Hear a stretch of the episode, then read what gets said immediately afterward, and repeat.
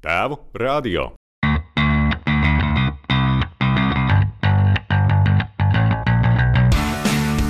Šajā sarunā par rutīnas noturēšanu, aktivitāšu vajadzību un praktiskiem padomiem, kā sākt sevi trenēt. Sveiks! Tu klausies Tēva radio, kurā runājam par vīriešiem svarīgiem jautājumiem. Mani sauc Gatis Midrovskis, esmu tēva grupu vadītājs un divu ar pus gadus vecs meitas tētis. Un ar tēva radio palīdzību cenšos saprast, kā lai mūsdienu tēvs izaudzina labu cilvēku, un to darot, nesajūg prātā, nosargā laulību un vēl uztur arī labu veselību. Šodien es sarunāšos ar Rinaldu Trukšu. Viņš ir uzņēmējs, finanšu piesaistes konsultants un aprēķināta riska ņēmējs. Roku tur uz pasaules pulsa, to apceļo un plāno iekarot ar vertikālo fermu biznesu. Lai parunātu par eh, sevis uzturēšanu formā, esmu aicinājis uz sarunu šādu džeku, kurš uz savu ķermeni skatās no bioķīmiskā skatu punkta un dzimšanas dienu labprāt pavadu pieveicot triatlonu. Rinaldi, čau! ļoti labs ievads, jā. Es ceru, ka um, pareizi viss pateici. Jā, ļoti pareizi. Un tas droši vien tagad uzliek kaut kādu latiņu, kas man būs jāsaka, vai ne turpmākās mūsu sarunas laikā. Bet, nu jā, katrā ziņā paldies, ka tu mani uzaicināji parunāties. Cerēs, cerams, ka mēs ar savu sarunu varam, kā saka, motivēt varbūt kādu izdarīt vairāk, piecelties, padomāt un tam līdzīgi. Jā, Esmu es, tavā rīcībā. Jā. Es ceru, ka tu arī mani motivēsi piecelties un varbūt kaut ko beidzot izdarīt ar savu ķermeni. Klausies, viena lieta, ko es nepieminēju, ka tu arī esi tētis.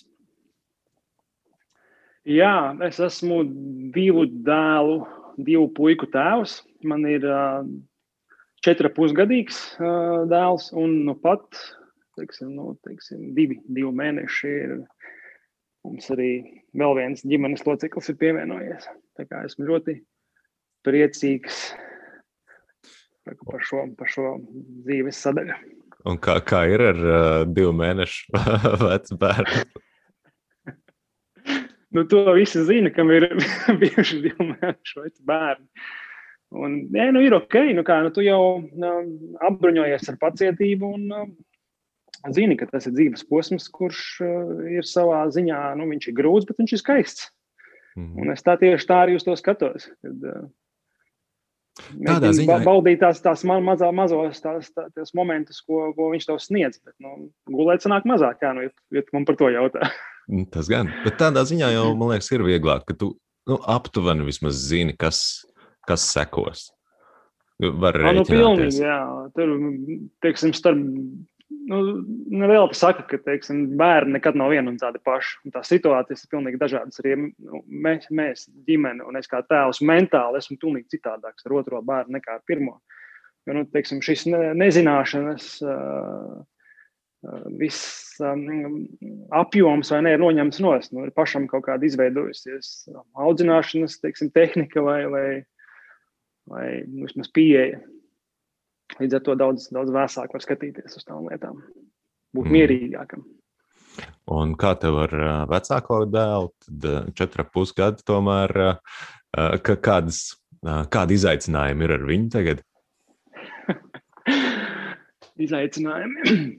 Es kopš pirmās dienas nolēmu vairākas lietas. Tā, viņas centrējās ap manu pacietību. Es priekš sevīm apsolīju sev būt maksimāli pacietīgs un iecietīgs pret, uh, pret viņu, pret uh, sievu. Um, īpatnējās, teiksim, un potenciāli konflikta situācijās. Tas ir viens. Un otrs, es apsolīju sev atbildēt uz uh, visiem viņa jautājumiem, runājot par dēlu. tas arī droši vien ir lielākais izaicinājums. Gadījies ir tā, ka uh, viņam ļoti interesē pasauli, viņš ļoti daudz runā. Kā daudzkārt vairāk par droši vien mums pārējiem ģimenēm kopā. Un, kā mans solījums sev atbildēt uz visiem jautājumiem, tas prasa kā, lieku reizi kā, ievilkt gaisu un kā, turpināt, uh, mēģināt kā, nostāvēt uz tās savas pārliecības.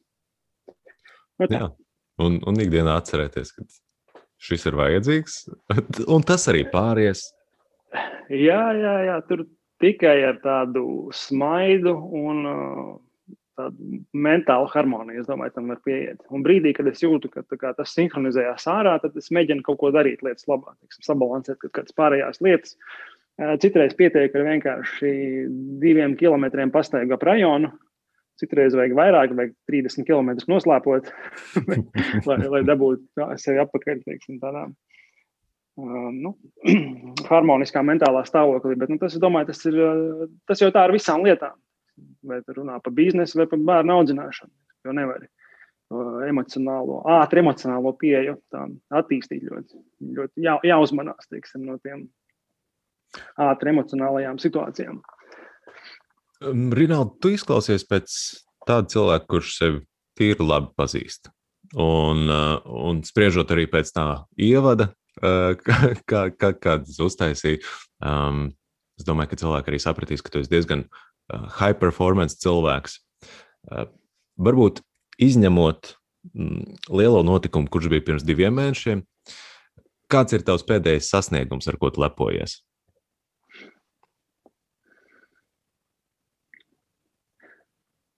Labs jautājums, un to es saku tāpēc, lai iegūtu nedaudz laika.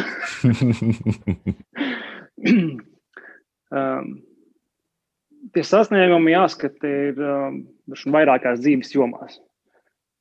Mm, mani lielie dzīves bloki, ja mēs nerunājam teiksim, par uh, ģimeni, dēliem, bērniem un uh, tādām, tādām, uh, tādām lietām, tad divi dzīves lielie pīlāri ir biznesa un uzņēmējdarbība Un otrs ir fiziskā aktivitāte un sava ķermeņa iepazīšana dažādos izaicinājumos. Un tad droši vien katrā no šiem diviem blokiem var mēģināt izdomāt vai ieraudzīt, kas ir bijis lielākais sasniegums. Ja mēs runājam par biznesu, tad es, es ceru, ka tas lielākais sasniegums vēl ir priekšā. Mm -hmm. Jo tu pareizi minēji, ka uh, bez eh, šīm biznesa konsultāciju darbības un eh, šāda vai tāda veida uzņēmējdarbība šobrīd mēs ļoti eh, lielu pieteikumu esam izdarījuši tādā Eiropas līmenī vertikālās lauksaimniecības biznesā. Gan no piesaistīto partneru, teiksim, tādas kalibra, gan no tagad finansējuma apjoma, ko mēs kā reiz piesaistām, gan arī no ambīcijas kaut ko izdarīt. Tā kā, tātad sasniegums tāds, es domāju, ka, ja mēs to tā nu, noformulēju, atbildot uz tavu jautājumu, kad es ceru, ka es beidzot kā uzņēmējs esmu nonācis tik tālu, lai man būtu pa zobam teiksim, tāds uh, globāla līmeņa uh, startup izveidi. Ja mēs runājam par to savu otru bloku, ja par to ķermeņa limitu atrašanu, um, Nu, tās droši vien ir vai nu kāda no garo ekspedīciju kalnu piedzīvojumiem, vai arī varbūt Ironman distance triatlonā. Droši vien, vai kāda no piedzīvojumiem garajām sacensībām. Tas būtu kaut kas, kaut kas šajā žanrā vairāk. Kad tev bija pēdējie, pēdējās tādas sacensības lielās? Nu, redz, man vienam dēlam ir 4,5 gadi. Tas nozīmē, ka lielās bija pirms šiem 4,5 gadiem. Mm -hmm.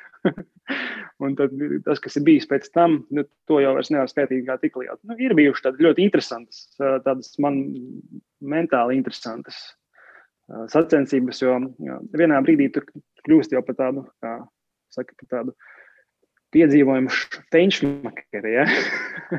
kad meklē kaut ko interesantu, un, un es kā piemēra varu do, iedot, piemēram, Montenegro pusaironman distance. Mazāk no rezultātiem vai tam līdzīgi, bet no tā, kā, kā tas bija un kur tas notika. Un, es skatījos, jā, ka tu viņu, dabas, tu viņu nosauc nevis par Ironman, bet uh, alumīnija menu uh, skrējiet. Jā, vai interesanti. Sanāk tā. Uh, pēc ķīmiskajā tabulā 26, manuprāt, bija. Ne, tagad es mēģinu, ne, ne, 20, 13.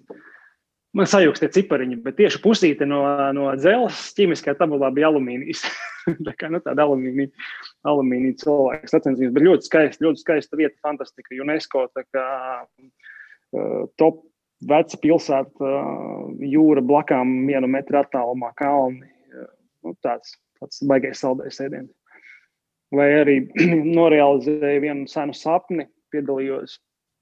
Tas arī bija tajā, nu, tajā posmā, dzīves posmā pēc piedzimšanas pirmā dēla.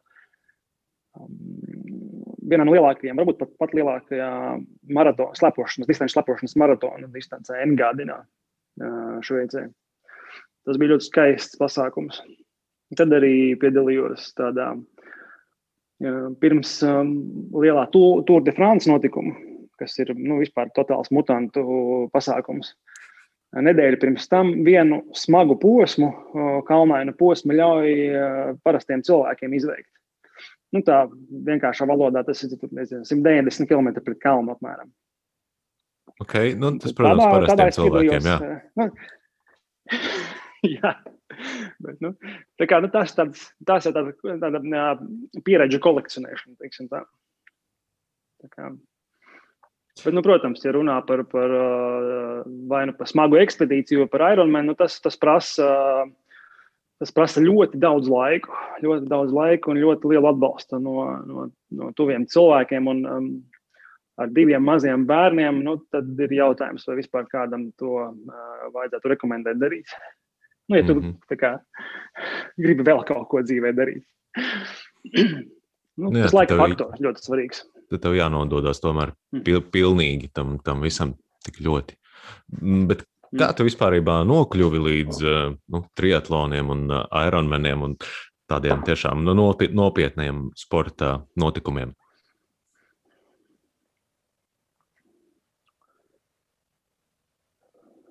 tā droši vien ir interese par robežām, par savām robežām, vai arī par citām robežām. Es nezinu, jā, droši vien par savām. Nu, man arī tā sociāli ekonomiski interesē vienmēr robežas, kāpēc mums ir tādi likumi vai ne citādi, vai cik tālu tu tā drīksti kaut ko darīt vai nedrīkst, vai ne, cik daudz ir ētiski. Ceļš biznesa pasaulē tas svarīgi? Ja, kurā, kurā brīdī ir tava iekšējā kaut kāda uh, mērokla. Nu, līdzīgi arī ar fiziskajām aktivitātēm, jo mēs, man liekas, šobrīd mūsdienās esam ļoti tālu aizgājuši no tā sava dabiskā potenciāla. Nu, tā ir tiešām tāda, tāda filozofiska pārliecība man. Kad, nu, mēs esam krietni vājāki par uh, mūsu senčiem. Nu, tīri, es domāju, ka nu, nu, ne, ne, ne viduslaika kategorijā, ja, ka tev tur līdz 30 gadiem izdzīvot, ir jau Dieva dāvana. Ja?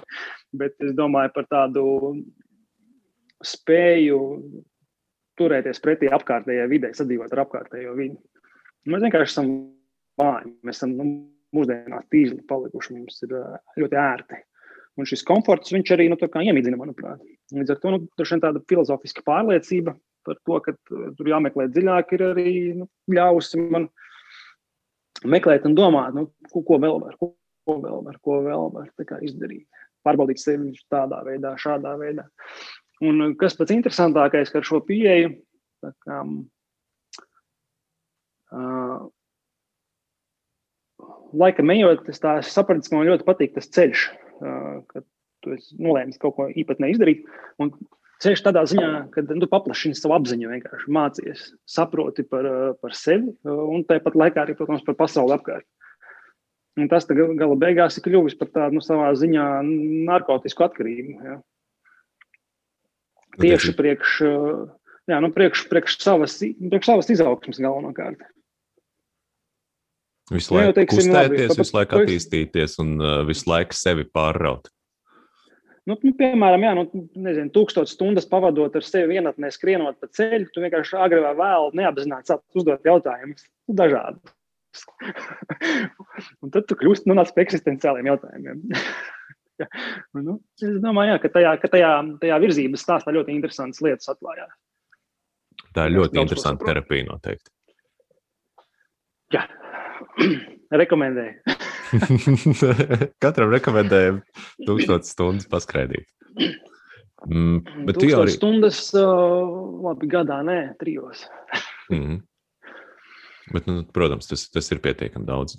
Um, varbūt tu vari pastāstīt uh, nedaudz, kā tu plāno savu ikdienu. Jo, nu, kā, kā jau tu teici, Jā, protams, ka bērniem ir ļoti svarīga loma tavā dzīvē. Darbam ir ļoti svarīga loma tavā dzīvē, un ārkārtīgi svarīga loma ir arī, lai uzturētu pirmkārt sevi formā un, un noturētu sev pie kaut kādas mentālas, mentālas skaidrības. Tev ir vajadzīgs arī šis sports. Varbūt tu vari pastāstīt nedaudz, kā tu plāno savu dzīvi.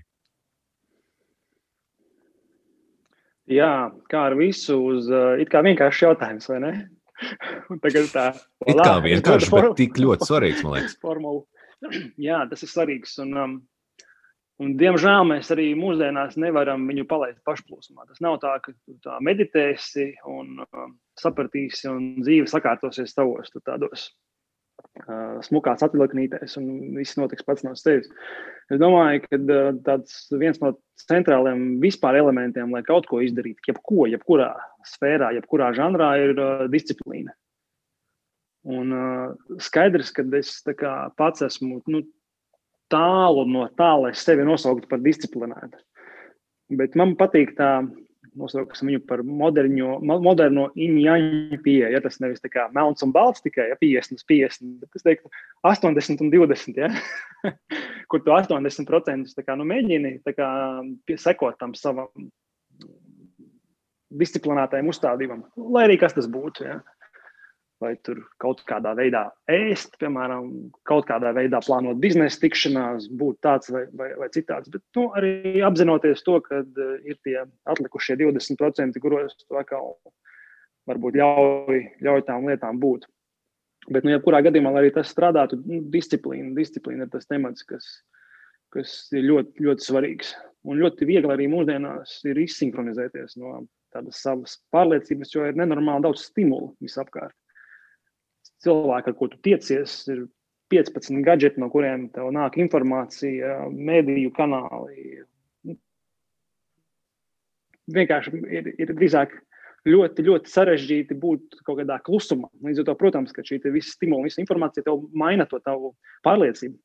Līdz ar to Tāpēc tas disciplīnas moments ir ļoti būtisks, kurā tu dari kaut kādas lietas, nu, piemēram, nezinu, pirmdienas rītā saplāno nedēļu. Tajā nedēļā tu saliec, es droši vien teikšu par sevi, ja, ir atsevišķas svarīgas lietas, kuras zināmas, kad uz tām ir būtiski fokusēties. Es cenšos izdarīt sekojoši, kad katru, nu, neteiksim, ka katru dienu, bet caurmērā vismaz katru nedēļu, vairākas dienas fokusēties uz, ja mēs runājam par biznesa pasauli, uz vienu strateģisku lietu, kas man jāizdara, un uz vienu lietu, kas man traucē dzīvot kaut kur pakausī. Zin, kā kaut kāds neizdarīts dokuments, neaizpildīts, kaut kāda tāda kaitinoša lieta, kas kā, aizņem lielu operatīvu atmiņu. Teiksim. Tikai, it kā liekas, tikai divas vienkāršas lietas. Viens, lai vai nu tas ir telefona zvans vai padomāšana par to, kā strateģiski virzieties uz priekšu tālāk uz kaut kādu savu lielāku mērķi. Otrs ir no, nodzēst no 140 ierakstu gara, gara saraksta kaut ko, kas traucē visvairāk. Teiksim, tas būtu viens. Un līdzīgi ir ar, arī ar sporta lietām, kad es, piemēram, sporta nodarbības ar sevi e, plānoju kalendārā. Es viņas e, nelieku zemākā prioritātē kā jebkuru svarīgu biznesa tikšanos. Ja es zinu, ka man, teiksim, pirmdienas ir tāds treniņš, tad man viņš ir, un tam es neko nepārakstu pāri. Teiksim. Un tajos brīžos, kad ir, ir vēlme un vajadzība trenēties vairāk, līdz ar to tie treniņi ir, nu, tā, tā diena ir jāvizualizē, tā nedēļa ir jā, jāvizualizē uz priekšu. Un līdz ar to tos svarīgākos treniņus ir jau jāsaraksta. Un noteikti, teiksim, nu es domāju, ka pareizi trenēties ir katru dienu, nu, kaut kādā formātā, bet nu, tas nevienmēr ir iespējams. Līdz ar to ir svarīgi ielikt tos treniņus, kuri ir nu, kaut kādā mērā prioritārāki. Nu, mēs tā plūstoši pārgājām no tās filozofijas, ja, mm -hmm. par, par to ļoti... biznesa plānošanu, uz to, uz to, tre, uz to treniņu plānošanu, kur līdz ar to nu, tie divi, trīs treniņi ir nu, noteikti ir, jāieplāno laicīgi. Un tā tas katru nedēļu, un tad pārējais, nu, pārējo tad var atstāt atkal 80, 20. Ja, tad ir kaut kas, ko tu atstāji ar jautājumu zīmīti. Kā, nu, skatīsimies, kā sanāks. Jo nu, negribās arī būt vienkārši robotam, ja, kas seko tikai un vienīgi kādam kaut kādam algoritmam. Ja? Līdz ar to nu, pieliec tādas pamat, pamat, pamat lietas un darbojies. Un tad, principā, nu, īstenībā jādroši vien, ka tādus treniņus uh, un, un, sporta ir pat vieglāk ieplānot jau, kā tu saki, pat uh, nedēļas uz priekšu. Jā, ja ir arī kaut kādi nopietnāki treniņi, tīpaši tavā gadījumā. Mm, Un, nu, zināmā mērā, kādas darba lietas tu pēc tam var arī pakārtot. Tīpaši, varbūt arī ar tavu nodarbošanos, ja tev nav jāiet uz biroju de, no 9 līdz 5, tad, tad to var arī tā pakārtot. Bet jā, man ļoti patika tas, ko tu teici, ka vienkārši mūsdienu, mūsdienu straujā dzīve, mūsdienu visi gadgeti un, un visas lietas, kas cīnās par mūsu uzmanību, īstenībā mums traucē uzturēt jebkādu disciplīnu kas ir pilnībā patiesa un grūti pret to iebilst. Es par šo kaut kā nebiju pat uh, iedomājies īstenībā no, no šīs puses. Nu, jā, tas ir viens paradoks pēc otra. Ja mums ir nenormāli daudz um, aplikāciju, apu, vēl neskādu risinājumu, kas paredzētu efektivitātei, kur beigās mēs paliekam neefektīvāki, jo mums viņu vienkārši tik daudz. Gala beigās, nu, par ko nerunājam, ir jebkurai aplikācijai vai jebkuram modernam rīkam ir viens um, ļoti, ļoti būtisks aspekts. Tas ir vienkārši pats cilvēks. Nu, ko tu ievadīsi viņā? Viņš jau pats nestrādās tādā vietā. Tā kā. Ok, ja mēs runājam jau par kaut kādām aplikācijām uh, un to pašu arī rutīnu, kā tev liekas, uh, vai, vai ir tomēr kaut kādi rīki, kas palīdzētu uzturēt to rutīnu? Vai arī pēc iespējas vairāk attālināties no tām visām aplikācijām un uh, visiem rīkiem, uh, attīrīt savu dzīvi no, uh, no gadgetiem un vienkārši darīt. Paņemt uh, baltu lapu, pildspalvu, uztaisiet to par savu kalendāru. Viss. Nu, tas būtu muļķīgi. nu, jāņem ir labākais, kas, kas ir pieejams un jāintegrē to savā dzīves mērcē kaut kādā kombinācijā. Es domāju, ka uh, kāpēc būtu jāatsakās no ļoti ērta lietojuma kalendāra, kas ir pieejams telefonā, piemēram, ja? kaut, vai, kaut vai tieši tāpēc, lai sasniegtu vairāk savu brīvo laiku. Tu kļūsi efektīvāks plānošanā, līdz ar to tu laicīgi sadari to, kas ir, un tad tu redzi, piemēram, kā, nu, cik, cik, cik tev ir um, tā brīvā laika dots. Piemēram. Nē, nu, es domāju, ka no tām abām pasaulēm ir nu, nosacīti pilnīgi tīras, ja, no nekā pasaules no totāli, totāli urbānas pasaules ar uh, tehnoloģijām ir jāpaņem vienkārši tas, kas, uh, tas, kas ir vajadzīgs. Tikai nu, nevajag skriet pakaļ visam un cerēt, ka uh, tie risinājumi mainīs kaut kādā veidā dzīvi. Jo, kā mēs runājam, sākumā tā disciplīna būs vienmēr droši vien noteicošais. Nu, vismaz man, man tā šķiet, ka tā disciplinīga. Un, kas manuprāt ir svarīgi, kaut gan es tagad būšu pretrunā nedaudz atkal, ko es teicu. Ja strādā balta papīra lapa, un tu disciplinēti vari pieiet tai baltai papīra lapai, so be. Es domāju, tas ļoti labs variants, kā kaut ko labāk darīt, nekā atrunāties un nedarīt. Nekā, nu. Mm, jā, par tām, atru, par tām atrunām. tas ir baigi interesanti. Tīpaši, nu jā, salīdzinoši nesen, vēl jaunais gads. Uh, klasiski. Šogad droši vien uh, nebija tik ļoti daudz apņemšanos, ka OTS es tagad sākšu iet uz sporta zāli, jo tas vienkārši fiziski nebija iespējams. Bet, uh, bet jā, nu, parasti tās visas apņemšanās turās veselas divas nedēļas, varbūt pat mēnesi, un tad tas viss iš, izčabē kaut kur. Jo es esmu, ja godīgi, diemžēl jāatzīstās, es esmu šis pats variants. Man visas apņemšanās sākt sportot, no rītiem presīt, taisīt, tumpēties un tam līdzīgi. Viņas ilgst aptuveni divas, trīs nedēļas, un tad rodās vis kaut kāda aizbildinājuma un tam līdzīgi. Varbūt tev ir kaut kāds padoms, kā, kā, kā to disciplīnu uzturēt?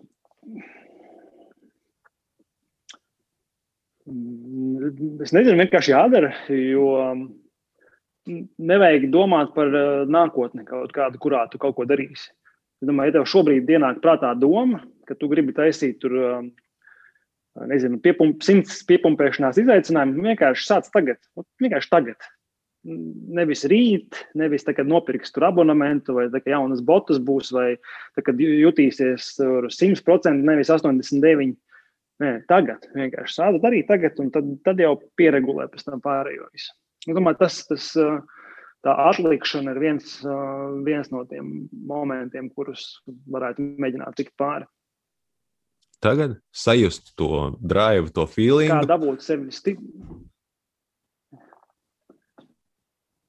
Tā mums kaut kas, laikam, komunikācijā nedaudz jā. noraustījās. Es nedzirdēju to pēdējo teikumu. Es, es, es, es jā, uztvēru vienkārši to, to tavu domu, tiešām, kad sākt vienkārši tagad uzķert to drive feelingu un uz tās sajūtas, tad arī uh, turpināt.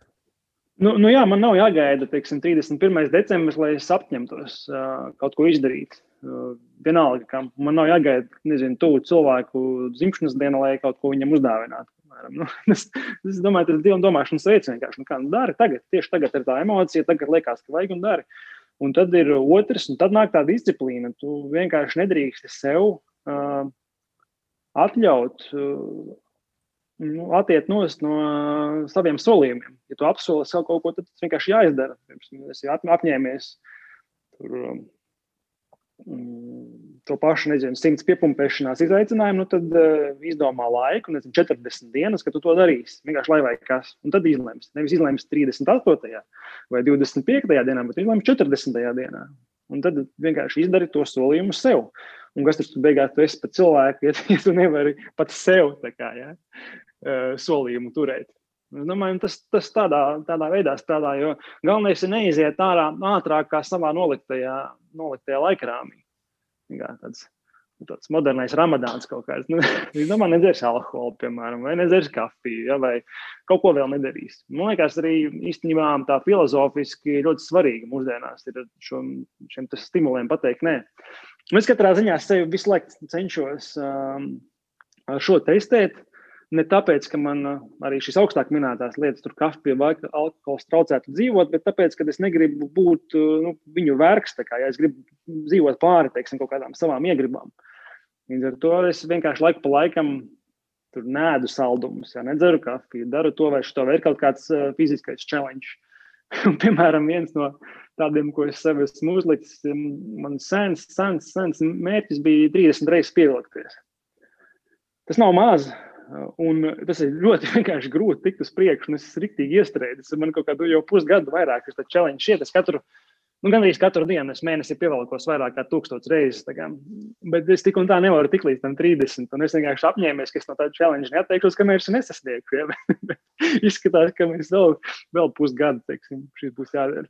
Tiešām 30 reizes. Es, es ļoti, ļoti sen neesmu mēģinājis pat pievilkties, ja godīgi. Um, bet es nevaru iedomāties, ka, ka tādam cilvēkam kā tev, kad uh, 30, ka tas ir um, sarežģīti. Nu, no vienas uh, vienlaicīgi. Kā, ja? Bez jā, jā, jā, vienlaicīgi, bez pārtraukumiem. Nu, iespējams, ka uh, mans ķermenis vairāk ir uh, paredzēts, teiksim, nu, tīri, ja mēs skatāmies uz muskuļu sastāvu, ja, uh, garākām distancēm. Es varbūt neesmu šis te, uh, lielo, lielo muskuļu masu cilvēks, ja, bet uh, tik un tā, nu, tas, es domāju, ka tas ir iespējams. Un, tas noteikti ir iespējams. Vienkārši vajag vairāk strādāt pie tā. Mm, to arī esi pētījis, teiksim, jā, šos dažādos cilvēku uzbūves, teiksim, kam viņu mm, ķermenis ir paredzēts. Jā, jā, un tas ir ļoti interesanti. Uh, nu, tāda sporta uh, treniņu metodika, tas ir tas mans tāds alter ego. Teiksim, es nebūtu izvēlējies uh, to biznesa karjeru savā, savā priekš sevīm. Tad uh, droši vien ārsts vai fizioterapeits vai kaut kas šajā sakarā būtu tā, tā, tā mana tēma. Līdz ar to bieži vien es arī izklaidējos ar uh, fizioloģiska rakstura literatūru un tam līdzīgi. Un, un, ne? Jā, jā, jā, tieši tā.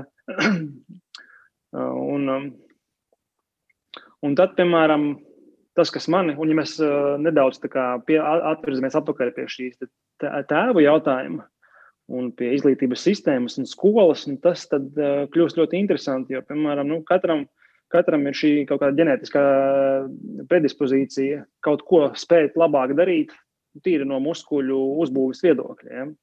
Un tad, un tad ir tā tāds moments, ne, kad tu skaties uz normatīviem kaut kādiem.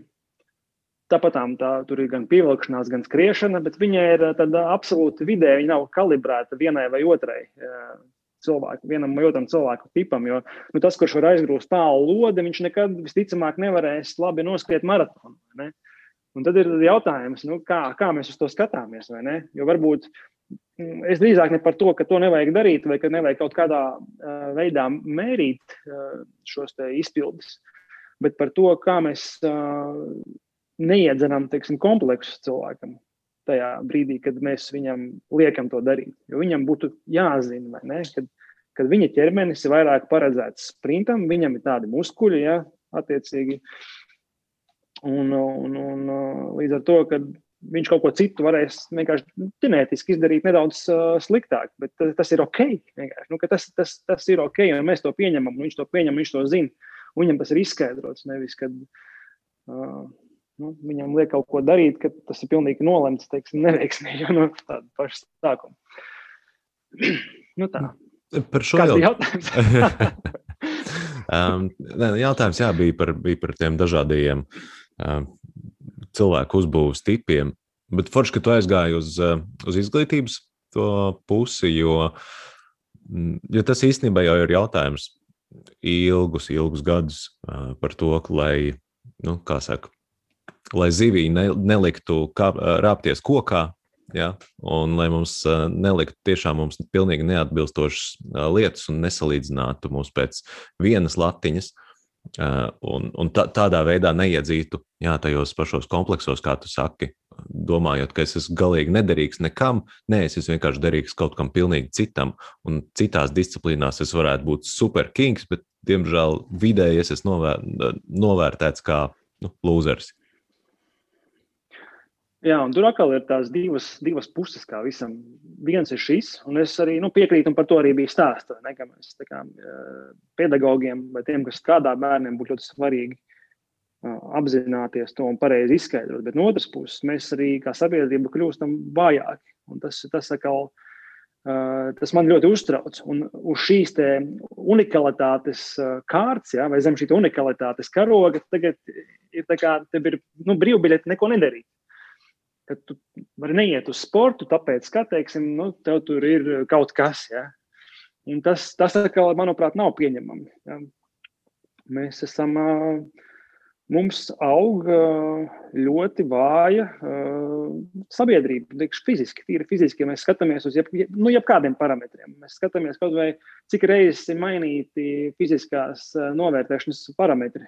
Vienalga, pirms beidzot 9. klasi, kāda bija pirms 20 vai 30 gadiem un kāda tagad. Tas kā radikāli atšķirīgi. Pat, piemēram, es kaut kad nesen mēs ar draugiem bija humors, tā kā skatījos uh, ja, ja nemaldos, tas bija speciālās uh, kaujinieku vienības uzņemšanas fiziskie kriteriji. Nu, tur nav nekā tāda, ko normāls čels nevar izpildīt. Bet, nu, kas, kas tas par kvalifikācijas slieksni? Ja, tur viņš ātrāk paskriet, papildēt un kaut ko pievilkties un piepumpēties. Nu.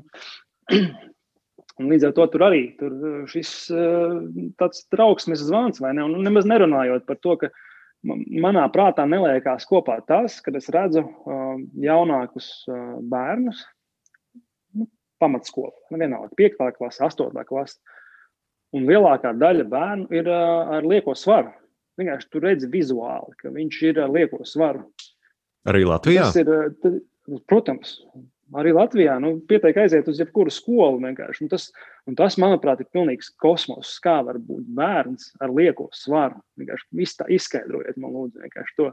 Un, un, un jautājums, kā, kā, mēs, kā mēs šo varam risināt. Līdz ar to nu, tur jau var iztēloties to notikumu sekvenci, kā tas noticis līdz šim ir.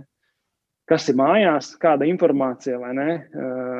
Tāpat par kustību, par, par, par, par ēšanu un pārējo. Nu, nezinu, nu, atcer, atceries savu bērnību, vai es savu vienalga. Nu, tas nu, nav, nu, tā kustībai vienkārši ir jābūt. Jā, jā, par to ļoti, ļoti stipri tiešām iestājās, ka vienalga, ko tu dari, bet tev ir jātrenējās, pieņemsim.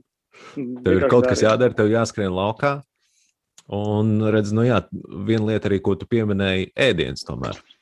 Kādu ēdienu mēs ēdam, cik ļoti tam visam sekojam līdzi un kas bērniem tiek dots. Nu, jā, nu, jā tieši tā. Mm, bet, jā, redz, tev, tev arī puika nu, vēl ne šogad, nākamgad, vai pēc diviem ies skolā. Jā, nu pēc diviem ies. Jā. Un, un man īstenībā, jā, viena vien no tēmām noteikti arī bija ka es gribētu uzzināt, kā tu ar viņu sporto kopā, kā tu viņam iemācīsi uh, uzturēt sevi formā. Tas ir sarežģīti un vienlaicīgi vienlaikus. Es domāju, ka pamatā tas ir ar piemēru, jo es gribu būt tāds tēls, par ko dēlam nekad nav kauns. Tas, kā, es domāju, ļoti lab, laba mēraukla kā tu vari nodzīvot savu dzīvi, tiksim, būt kā vismaz kaut kāda dzīves posma, kā paraugs. Tas ir viens, bet, ja mēs runājam jau par praktiskām lietām, es noteikti negribētu saviem bērniem profesionālu sportistu dzīvi. Domāju, tas, tas ir kaut kas tāds, ko es nenovēlu nevienam. Ļoti smags, manuprāt, darbs ar ļoti lielu, dažādu nekontrolējumu notikumu ietekmi, Tur vienkārši var izmest savus 20, 30 gadus vienkārši tāpat dēļ, dēļ um, vienkārši traumas vai kaut kādas situācijas. Līdz ar to šobrīd pamat uzstādījumi ir tā, lai ir prieks un darīt visu pēc kārtas, kas ir vispārīgi attīstoši. Mēs mhm. ejam skriet pa rajonu, mēs lēpojam, visas bērnu kāpelēšanas laukumiņi, šīs te, pie dabas lietas, koki, būdas, ja, slidošana, sniegs. Tas, tas viss ir vienkārši dienas kārtībā. Un es domāju, ka ļoti svarīgi ir to, to dažādību arī piedāvāt. Un tādā ļoti vienkāršā veidā, bez uh, high performance kaut kādiem ideāliem. Es domāju, līdz tam Jā, man liekas, ka arī maziem bērniem ir ļoti viegli iedzīt tādu nepatiku droši vien pret, pret kaut oh, kādiem jā. treniņiem. Ja tu viņam spiedz, spiedz, spiedz, nē, tev vajag, vajag, tur jābūt rīktīgi sportiskam, bet īpaši, kas jau ir tomēr puikām vairāk pierasts, ka viņiem jābūt supersportistiem. Meitenēm bieži vien kaut kādas atlaides mēdz dot, bet puikām ir vienmēr jābūt uh, sportistiem. Pie, nereti jāīsteno savu uh, vecāku kaut kādas nepiepildītos sapņus. Jā, nu es cenšos ļoti, ļoti sevi, sevi izaicināt, mēģināt to neuzspiest, ļoti vērtēt, ko es saku šajā sakarā. Bet, bet es domāju, līdz arī kaut kādiem sešiem, septiņiem gadiem to sacensības garu, tik cik viņš nāk no iekšas, tik arī, tik arī viņu kā, es atļauju viņam būt, kultivēt viņu. Manuprāt, tas arī nav īsti nepieciešams šobrīd. Jo tas ļoti ātri. Nu, pareizi, kā tu saki, tas ļoti ātri var um, pre, pre, precitienu iegūt. Kad, kad kaut ko, ko tu ļoti gribi, vienkārši tas noteikti būs tas, ko, ko viņš negribēs. Ne? Tā kā Jā. prieks, prieks ir droši vien vadošais uh, elements. Jā, atrast ja kaut ko tādu, prieku, kas sagādā jā. prieku. Mhm.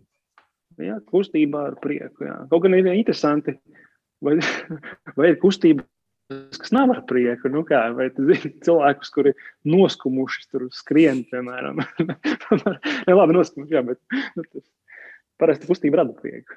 Tie pats zina, droši vien no, no tās pašas bio, bioķīmijas uh, puses, ka uh, kustība, uh, muskuļu dedzināšana, vai, vai kā viņi saucās, viņi jau izdala endorfīnus.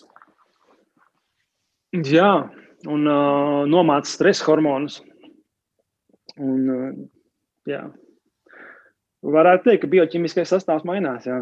Nevis varētu teikt, bet vienkārši tā ir.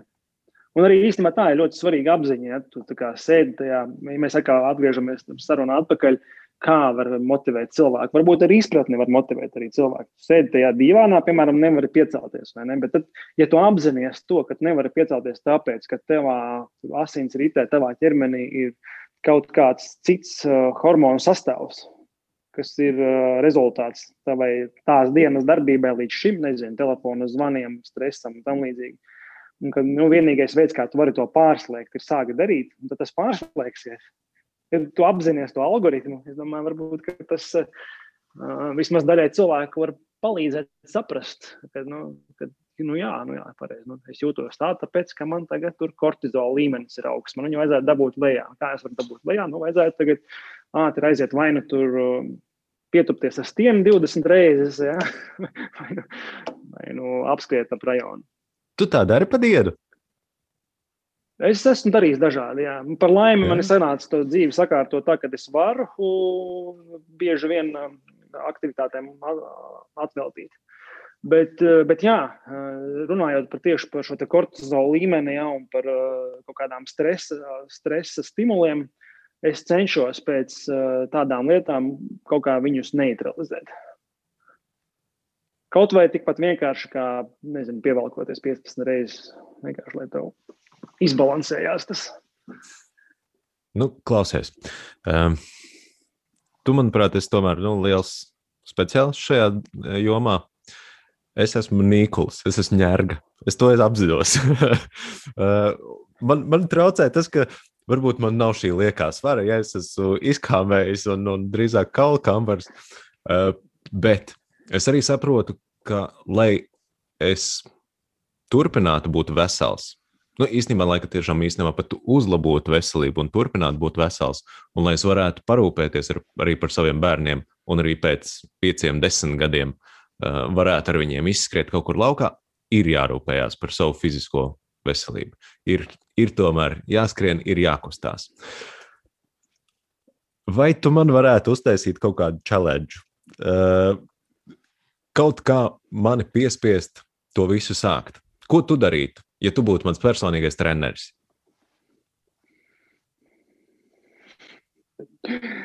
Jā, tāds miljonus dolāru jautājums savā ziņā. jo, ja tu esi kāda treneris, tad parasti jau, jau ir uzstādījums. Tā tad, ja nu kā, pie treneris nāc, tad, tev ir jautājums, gribu noskriet maratonu zem trīs stundām. Mm -hmm. Tev, tev jau ir vēlme. Tagad um, šis jautājums kā soli pirms, kā sevi challengeot. Nu, labi, es uh, nesagatavotu kaut kādas idejas, varu iedot, bet, uh, piemēram, var sākt savu ķermeni pieredzināt pie fiziskām aktivitātēm. Jo bieži vien tā problēma ir tāda, ka cilvēki kā, tiek pāri tai apņemšanās brīdim, saņemās, sāk kaut ko darīt, viņam ir grūti. Un tāpēc, ka tas, ja tas nav darīts, tas tiešām arī var būt grūti. Un, tad parādās tie, tās urbānās leģendas par, par skriešanu, ka tas ir grūti, sāp, teiksim, visas malas to darot, ja, un, un tā tālāk. Līdz ar to tai, tam startam vajadzētu būt nu, relatīvi lēnam. Piemēram, tu apņemies, ka tev būs sākumā pirmo mēnesi, nezinu, trīs aktivitātes stundas nedēļā.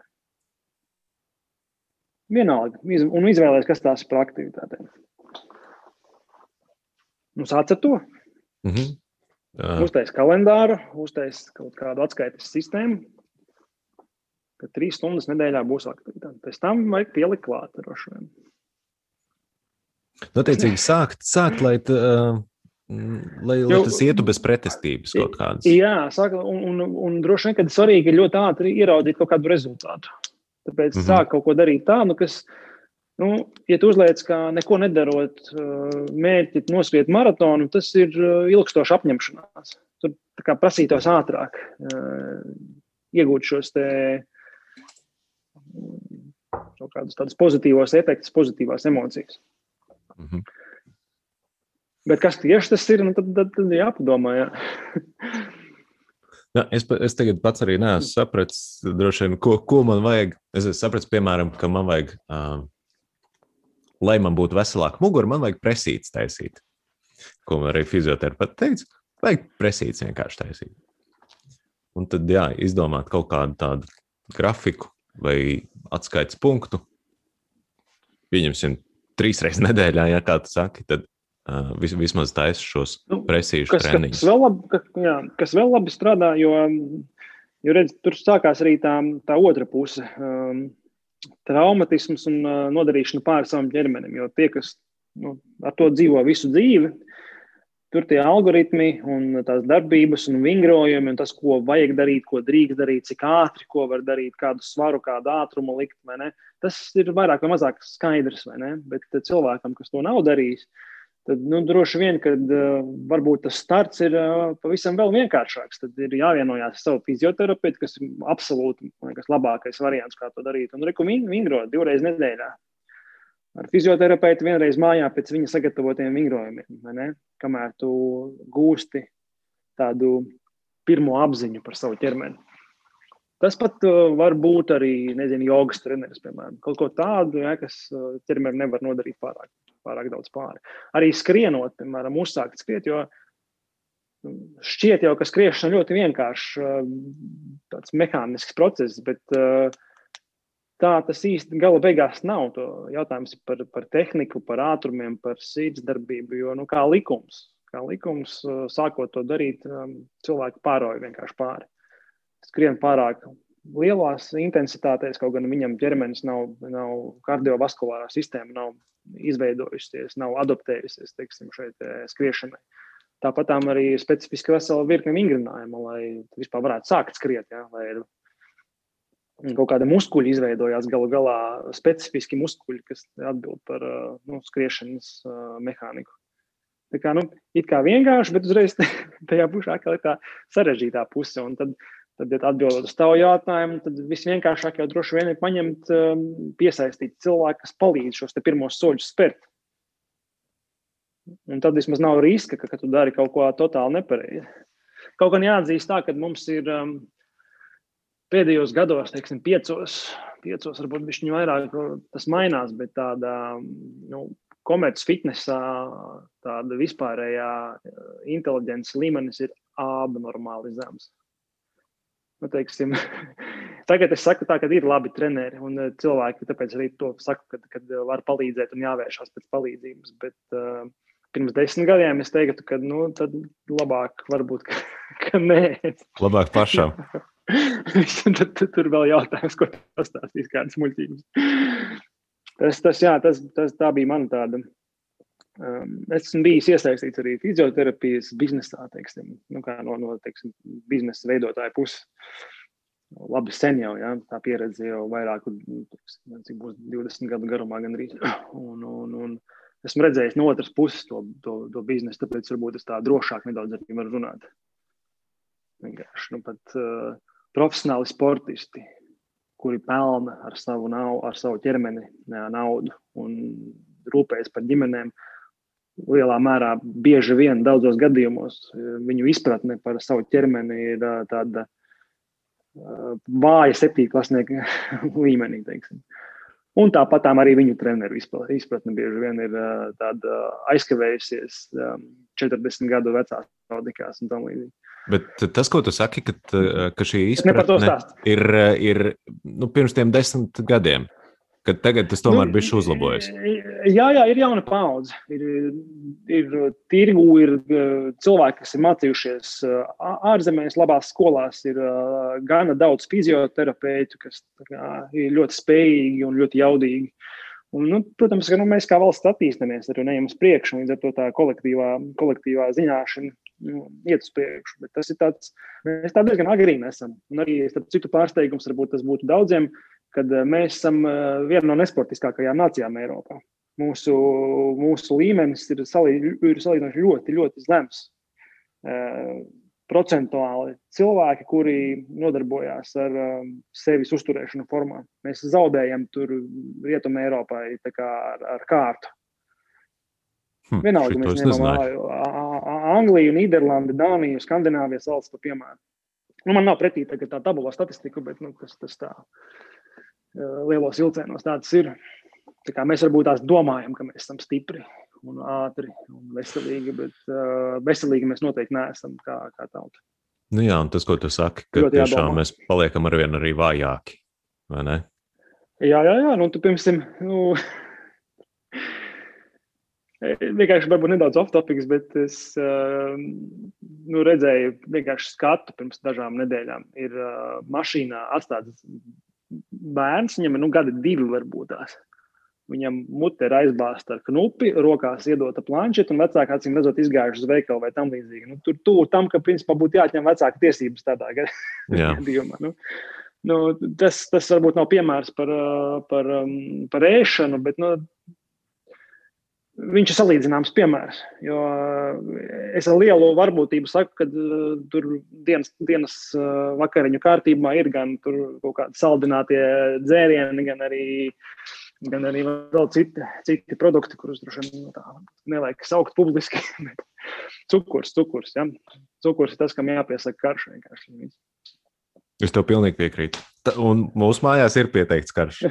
Cukurs nu, piemēram, ir tiešām piemēram, jā, mēs no jau esam atbrīvojušies pavisam. Nē, es esmu tāds uzturs speciālists nu, ar papīriem, ja, bet nu, cik es, ja es pareizi tagad ciparu saucu, ir daži 11 grami cukura dienā bērnam un, nu, ja nemaldos, tad 20 un 30 gramiem cukura pieaugušam. Kas ir normāli, ko, ar ko ķermenis var tikt galā, kas neveido neko lieklu.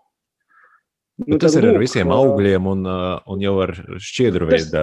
Tie ir runa par pievie, pievienotiem cukuriem, kas ah. kā, nu, ir. Bet paskaties uz jebkurām, nezinu, brokastu pārslu pakas, kāds tur ir sastāvs. Un principā tas cukuru līmenis tiek sasniegts brokastī un pārsniegts. Vai jebkuru, teiksim, skaisti noformēto um, saldināto dzērienu bērniem. Tas ir, nu, tas ir kā, viņas būtu jātur kā, turpat, kur alkohola, ja, uh, aiz aizslēgtām durvīm un uh, noteiktos laikos, nevis tur bērna augst, augstumā, uh, jebkurā lielveikalā. Un tad pēc tam vecākiem, kas ir ar kaut kādu apziņas līmeni, tad mēģina vairākas stundas dīlot ar šo situāciju, nu, kā, kā iepārdot pēc tam, ja, un stāstīt, ja, ka tas ir cukurs. Tas tam ķermenim nepalīdz. Viņš tev ietekmē, nu, nepalīdz attīstīt, nezinu, tur pārlieku lielos mēros smadzeņu attīstību, un arī, teiksim, tev ir problēmas būs pēc tam lieko svaru, ja tu viņu nenodod, stāsti visu laiku. Un tu atkal.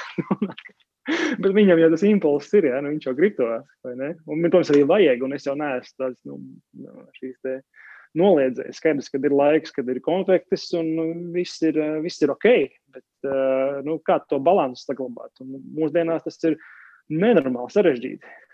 Arī no savas pieredzes, kad, kā mēs minējām par tiem izaicinājumiem, kad ir izaicinājums, piemēram, nē, saldums, nu, tas ir ļoti sarežģīti. Tāpēc, ka arī tajā biznesa vidē, lai arī kur tu ietu, nu, tā kā bulciņa un kafija, nu, tas ir nu, vai kūciņa un kafīņa. Ja? Tas ir katra mazās, katras dienas svinības, vai ne?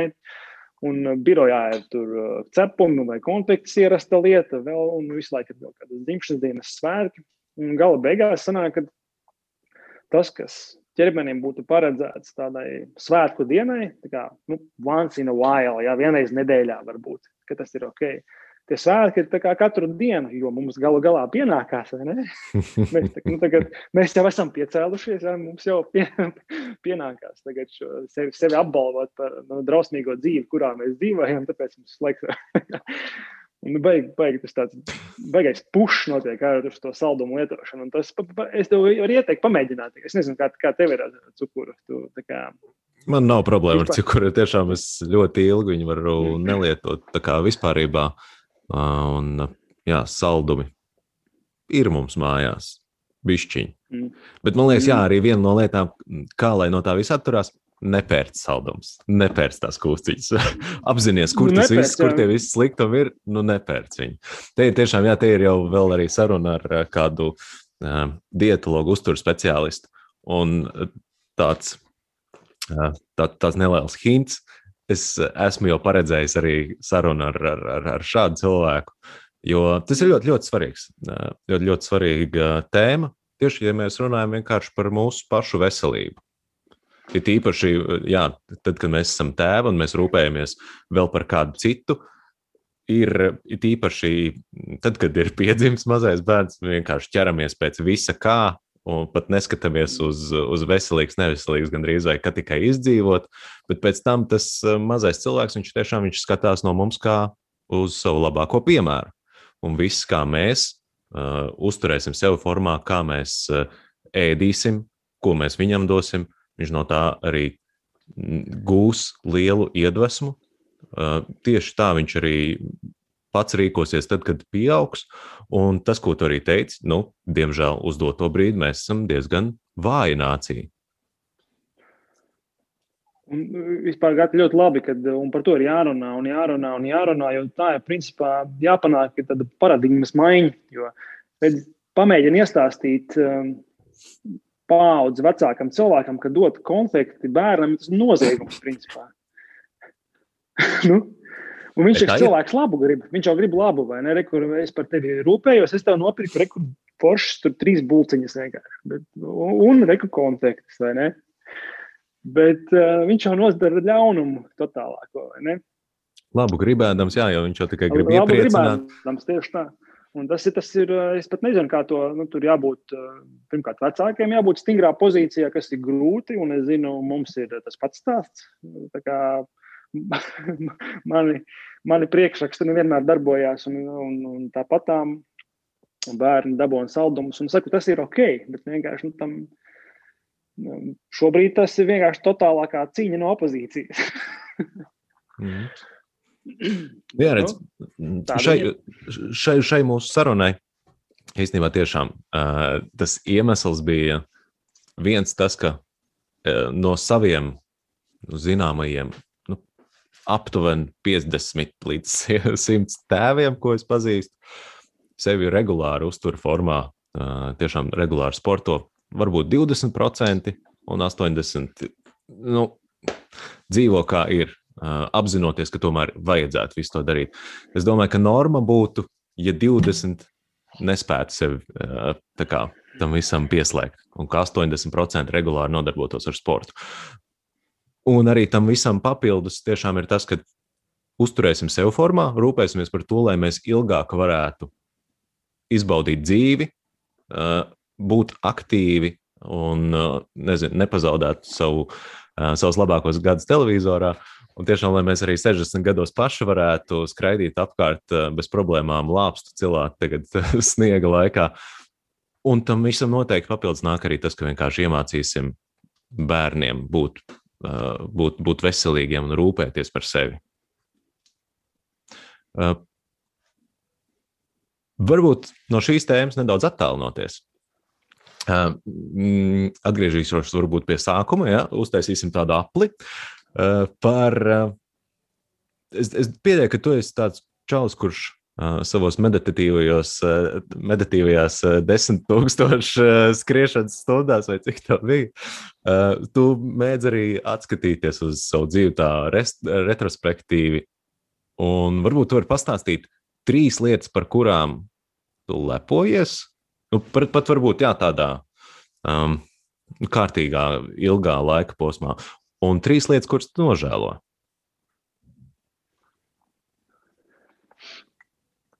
Mm -hmm. Sākšu ar otru pusi. Manā filozofijā vispār nepastāv tāds uh, nožēlas moments. Um, Jo tā gala beigās konvertējās jeb, jebkas, kas varbūt tās pēc manas skalas nav sanācis. E, tā ir mana pieredze. Tas veido mani tādu, kāds es šobrīd esmu. Līdz ar to, ko tur nožēlot. Un te mēs kā, varam vilkt paralēli starp, piemēram, no treniņa metodikas. Ir tāds jēdziens kā breakthrough uh, treniņi. Izlaušanās, jā, sasniegt, lai sasniegtu citu līmeni treniņu. Teiksim, respektīvi, viņi viņu mērķis ir, teiksim, tavu ķermeni sagatavot kaut kādam nākā, nākamam līmenim. Tie parasti kā likums smagi treniņi, vai ne? Vai nu distances ziņā, vai intensitātes ziņā. Un, uh, līdz ar to tu kaut ko tādu izdari, un ķermenis adaptējās kaut kam jaunam. Un ķermenis īstenībā vienkārši kādu stimulu viņam dot, viņš pie, ar to iemācās sadzīvot. Līdz ar to tu kļūsi stiprāks, ātrāks caur šiem ļoti intensīvās uh, fiziskās slodzes um, treniņiem. Un līdzīgi ir arī ar mentālo pasauli, ar to, kā tu sevi intelektuāli būvē. Jo dzīvojot tādā absolūtā komfortā, uh, ar spilveniem visapkārt, nekas jau neveidojās, tu nekļūsti. Ir labs angļu vārds resilient. resilient. Es latviešu pat nezinu, kā teikt. Tā kā izturīgs. Izturīgs, neuzņēmīgs, tāds, mm. bet tur tāda kaut kāda inteliģences uh, moments tam visam klāt. Nu, lūk, un šīs visas pieredzes ir, nu, tas ļauj būt stiprākam, labākam mentāli. Un līdz ar to esmu priecīgs, ka man ar mani ir noticis uh, tas uh, tik daudz, un es ceru, ka notiks vēl kaut kas arī nu, no tās kā saka, tumšās puses, jo dzīve jau nav viena vien tāda cerība par skatu uz nākotni, zilām debesīm un saule. saule Tur jāapzinās, ka tajā harmonijā ietilps arī tā otra puse. Nu, es tā mēģinu filozofiski arī tam, tam pieiet. Līdz ar to nožēla, nožēla, manuprāt, ir uh, pilnīgi nevajadzīga lieta. Nu, vienkārši izdara secinājumus, uh, atvainojies, tas ir nepieciešams, teiksim, un uh, vienkārši esi labāks nākamo, nākamo minūti. Tas arī labi darbojās uz bērnu audzināšanas. Nu, teiksim, tu vienmēr vari atzīt savas kļūdas, pakāpties soli atpakaļ, arī bērnam atvainoties un pateikt, ka teiksim, to es kļūdījies un turpināt citādāk. Līdz ar to, nu, jā, par tām trim nožēlas lietām, tas mēs tikai esam aizvēruši. Bet, uh, ne, šī ir ļoti, ļoti forša, uh, forša filozofija. Uh, tev viņai tiešām arī mm, izdodas sekot Jo esmu daudz nu, dzirdējis, ka, ka, kas, kas tā domā, uzskata, bet, diemžēl, darbos tas viņiem ne, nerealizējas. Es atbildēšu tāpat kā iepriekš. Tie ir 80, 20. Es cenšos, kā es gribu mm -hmm. tā mhm. dzīvot, es cenšos. Man droši vien, bieži vien sanāk, bet skaidrs, ka nu, nesanāk. Nu, mēs visi esam cilvēki kaut kādā mērā, un nu, kaut kādas atlaides jau ir. Nu. Tā kā, jau tas, ka es tā domāju, ka tā vajadzētu darīt, ir puse vai ne? Un tad es cenšos tā darīt. Nu, tā ir tā otra puse no puses. Ja? Nu, man paliek nu, tas, tā, tā, tā sadaļa, kurā es nenoperformēju. Bet es tikko iedomājos, um, tagad mēs, ja drīkst pārlikt vēl vienu tematu, un pēc tam varam atgriezties. Tu man prasīji, es laikam kaut kur fonā domāju par to, kā, kā sevi motivēt, kaut ko darīt. Kas ir tā no nu, ātrā recepte? Un, Es zinu, viena, kas man ļoti labi strādā, un uh, es viņu aizguvis. Esmu no viena ļoti fantastiska, jaudīga uzņēmēja, Ironmanista, arī Somas, Somu sportists, tāds Semi Viņš tādu teicis, tādu frāzi, varbūt vēl kāds bez viņa teicis, bet viņš saka, what you measure is what you get. Uh, tas, ko tu mēri, tas, ko tu dabūsi. Un šī mērīšanas parametru ievākšanas lieta, vismaz man vai tādam cilvēkam, kā nu, ar mani līdzīgu domāšanu, tas tiem cilvēkiem noteikti strādātu. Un kā to var piemērīt, izmantot, piemēram, nu, tu, nezinu, tu gribi mazāk lietot alkoholu, piemēram, dosim tādu triviālāku piemēru.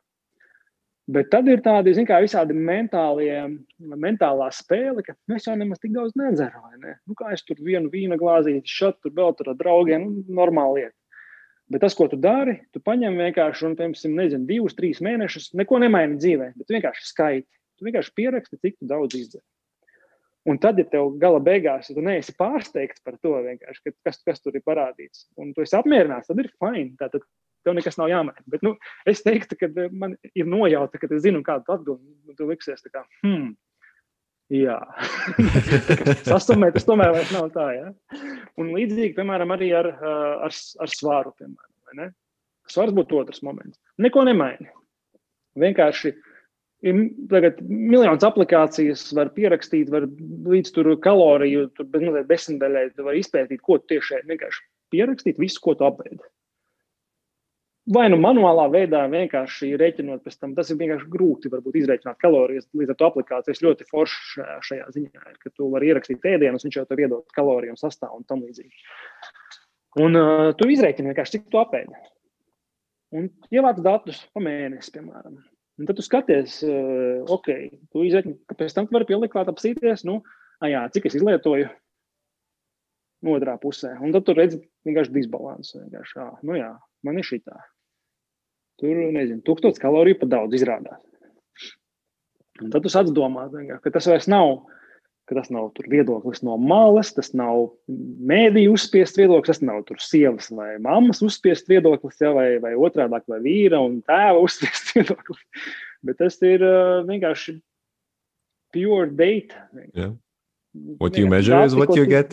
jā, vienkārši tavi dati un, un, un viss. Un tad, tad nākamais solis ir intervence kaut kāda. Nu, tad tu skaties tajā, par cik tev jau ir pierakstīts, ko tu esi izdzēris vai ko tu esi apēdis. Vai, nu, arī, nu, šo var ap, attiecināt uz jebko.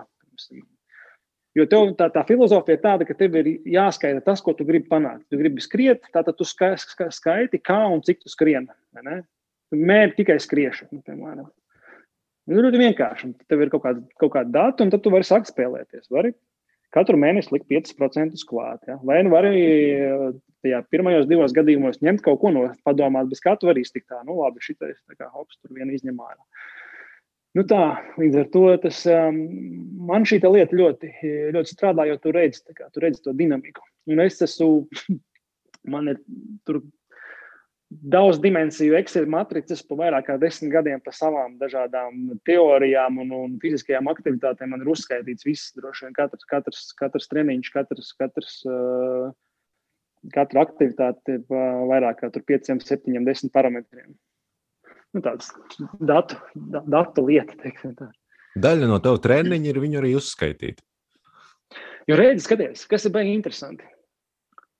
Tajā brīdī, kad tu raksti kaut ko, tu domā par to. Pretstatā tam, ka tu nedomā. Un es domāju, ka tas akts, tas domāšanas akts, jau tajā brīdī, kad tu piemēram pieraksti to treniņu, kas tikko ir noticis, tu jau sevi nokalibrē uz to nākamo tas tāda mentāla spēle sanāk. Un visu laiku vedot to grāmatvedību, tu vienkārši esi tajā iekšā. Tas kļūst par daļu no tevis, un līdz ar to nu, tu neapzināti jau tā kā ej, jo nu, mēs jau gala beigās visi, vai nu kāds cilvēks gribēs to labāko rezultātu pēc dabas, vai ne tu gribēsi mazāk lietot alkoholu, būt slaidāks, vairāk sportot. Tas kā, nu, jau ir iedots kā, kā dotais lielums. Viņš kaut kur zemapziņā vai jau virsapziņā viņš jau eksistē. Un esot tajā un domājot par to, Uh, jā, nu, tur, tur, es domāju, labas lietas notiek. Skaidrs, ka tā metode, nu, kā, kā jau visas, nestrādā visiem cilvēkiem. Ne? Nestrādās visiem cilvēkiem. Bet, nu, tu, tu man jautāji, re, kur vienu kaut kādu ātru ieteikumu, tad, lūk, tad ar pusstundas novēlošanos šādu var ieteikt. Viņa ir nobriedusi. Viņa nobrieda, jā.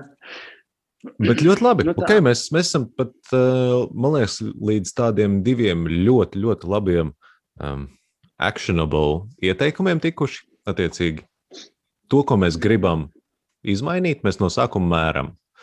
Uh, jā, jā, jā. Parakstošam šī, jā. Jā, un, un, un, un tajā brīdī, kad mēs sākam kaut ko mainīt, tad mēģinām lēnāk. Uh, it īpaši ar kādu speciālistu palīdzību, tas vienmēr noteikti labāk izdosies, un lēnām, lai neveidotos kāda pretestība pret šo aktivitāti. Jā, ir vēl tāds um, es tagad arī cipariņos varbūt nokļūdīšos, bet tā uh, saucamais īkšķa likums, ja, ka tu laika vienībā nevajadzētu palielināt aktivitātes intensitāti un apjomu par vairāk kā, nu, manuprāt, piekdaļu vai ceturdaļu. Nu, attiecīgi, ja es šonadēļ noskrēju, šonadēļ noskrēju kopā 20, labi, 10 km, tad man nākamnedēļ nevajadzētu skriet vairāk par 12. Nelikt reizes divi. Jā, nelikt reizes divi, jo tas ir tas, kā nu, ķermenis tik ātri neadaptējās līdz, nu, lai notiktu kaut kāda adaptācija, tas ir daudz, daudz ilgāks laiks. Mēs jau gribam tos rezultātus ātri. Bet neviens no šiem stāstiem, neviens, ne ieviešana, ne aktivitāte, viņš nav vienas nedēļas, mēneša, tas nav pat gada jautājums, tas ir dzīvesveida jautājums. Arī, piemēram, runājot par svara zaudēšanu, atnāks, kā jūs sakat, uztur speciālists kādā no taviem podkāstiem, var uzdot jautājumu, teiksim, nu, cik būtu saglabājams svara zaudēšanas apjoms teiksim, vienā mēnesī nu, cik manā zināšanas un pieredze rāda, ka tie ir ļoti mazi apjomi. Tiksim, tas, kā, kur parasti mēdīji iet, ir tur. Es pazaudēju 15 kg vienā mēnesī, bet ne, es nesaku, ne, ne, nečeku, kas tam cilvēkam notika pēc tam otrajā un trešajā mēnesī, cik viņi dabūja apakaļ. Tā kā, nu, tur, ja tie ir viens kilograms, varbūt laika vienībā, es domāju, tas ir ļoti labs mērķis ir zaudēt vienu kilogramu mēnesī. Un tad cilvēks saprot, ja viņam tagad ir 130 un viņš grib pazaudēt uh, 20, 30 kg vecīt, tie ir divi gadi. Nu tā. Bet pēc tam diviem jā, gadiem nu, tu izskatīsies kā pilnīgi cits cilvēks. Nu, un... Tur arī būs. Ar jā, citu, nu, tur arī būs. Ķīmisko sastāvu un uh, vispār smaidu un uh, pieeju dzīvei. Šis arī īstenībā kaut kādā ziņā jau atsaucās tiešām uz diētām īsās diētas vienkārši nestrādā. Uzskati, ka diēta ir tavs dzīvesveids. Un, un tu, tu tagad sāksi, pieņemsim, skriet, un tas nebūs uz mēnesi. Tu tagad vienkārši skries. Tā, tā būs daļa no tavas dzīves. Tas ir gan ar sportu, gan ar diētu. Tur, tā, tā vienkārši daļa no dzīves. Tas nav, tur nav nekāds, tur nav šortkat neviena. Tas nav tā kā, varbūt arī tā īstenībā ir kultivējama informācija, kultivējama apziņa, ka tas nav tā, ka tu aizēji tur sešas nedēļas uz sporta zāli, uzaudzēt tur muskuļu māsu. Četras nedēļas, sešas nevar paspēt neko beig uzaudzēt. Tu, tu kaut ko izmaini, un tad viss tagad man tas ir. Ja? Tā nav. Viņš vienkārši, nu, tiklīdz ķermenim nebūs stresors kaut kāds no, no, no ārpuses, viņš atkal tur divās nedēļās uh, nu, nokļūs nulles punktā. Jo, piemēram, arī nu, treniņu programmā, treniņu metodikā arī šis moments, ja tu izlaid treniņus Tagad, manuprāt, nu, aptuveni atkarībā no tā, kā trenējies, bet divas nedēļas tu sāc treniņu grafiku no nulles. Tā kā tu neko nebūtu darījis.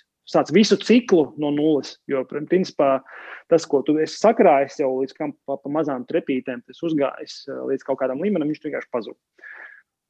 Līdz ar to tas ir tā ir daļa no. Nu, kā, kā senos laikos, uh, ozols repoja. Tā ir daļa no tevis, un tur nav jādomā. Jā, liekas, ka šis paliksim pie ozola, un šis bija ļoti labs noslēgums mūsu uh, veselīgajai, sportiskajai sarunai. Uh, man te noslēdzošie uh, pāris jautājumi. Uh, okay. Kāda ir tava pēdējā laika mīļākā grāmata? Ah, Porš, lab, labs jautājums. Es pēdējos gados iesācu arī kārtējo challenge es mēģinu izlasīt divas, divās nedēļās vienu grāmatu.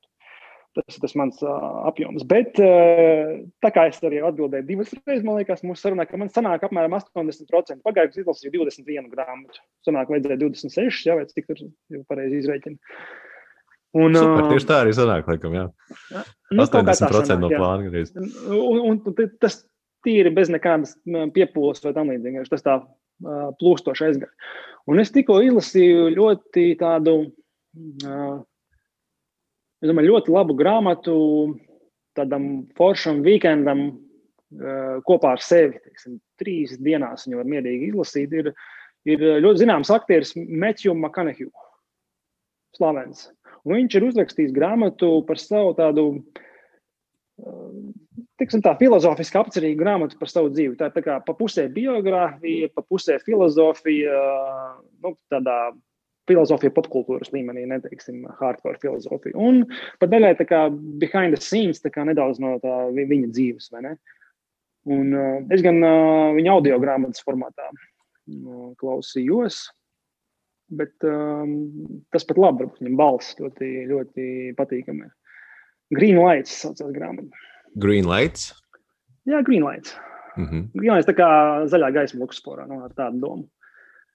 Nu, to es varētu ierekomendēt. Jā, tas nav nekāds tāds uh, netur pamācību, kā pareizi dzīvot, vai desmit lietas, kā kaut ko tādu izdarīt, kas mūsdienās ir pie populāriem nosaukumiem. Nav arī, nav arī tur uh, smagā zinātne. Vienkārši tāda, domāju, ļoti Un tā, tas nav tāds arī liekas laika patēriņš. Domāju, tā grāmata. Okay. Vērtīga grāmata. Viegla, bet, uh, viegla, viegla, bet arī vērtīga. Jā.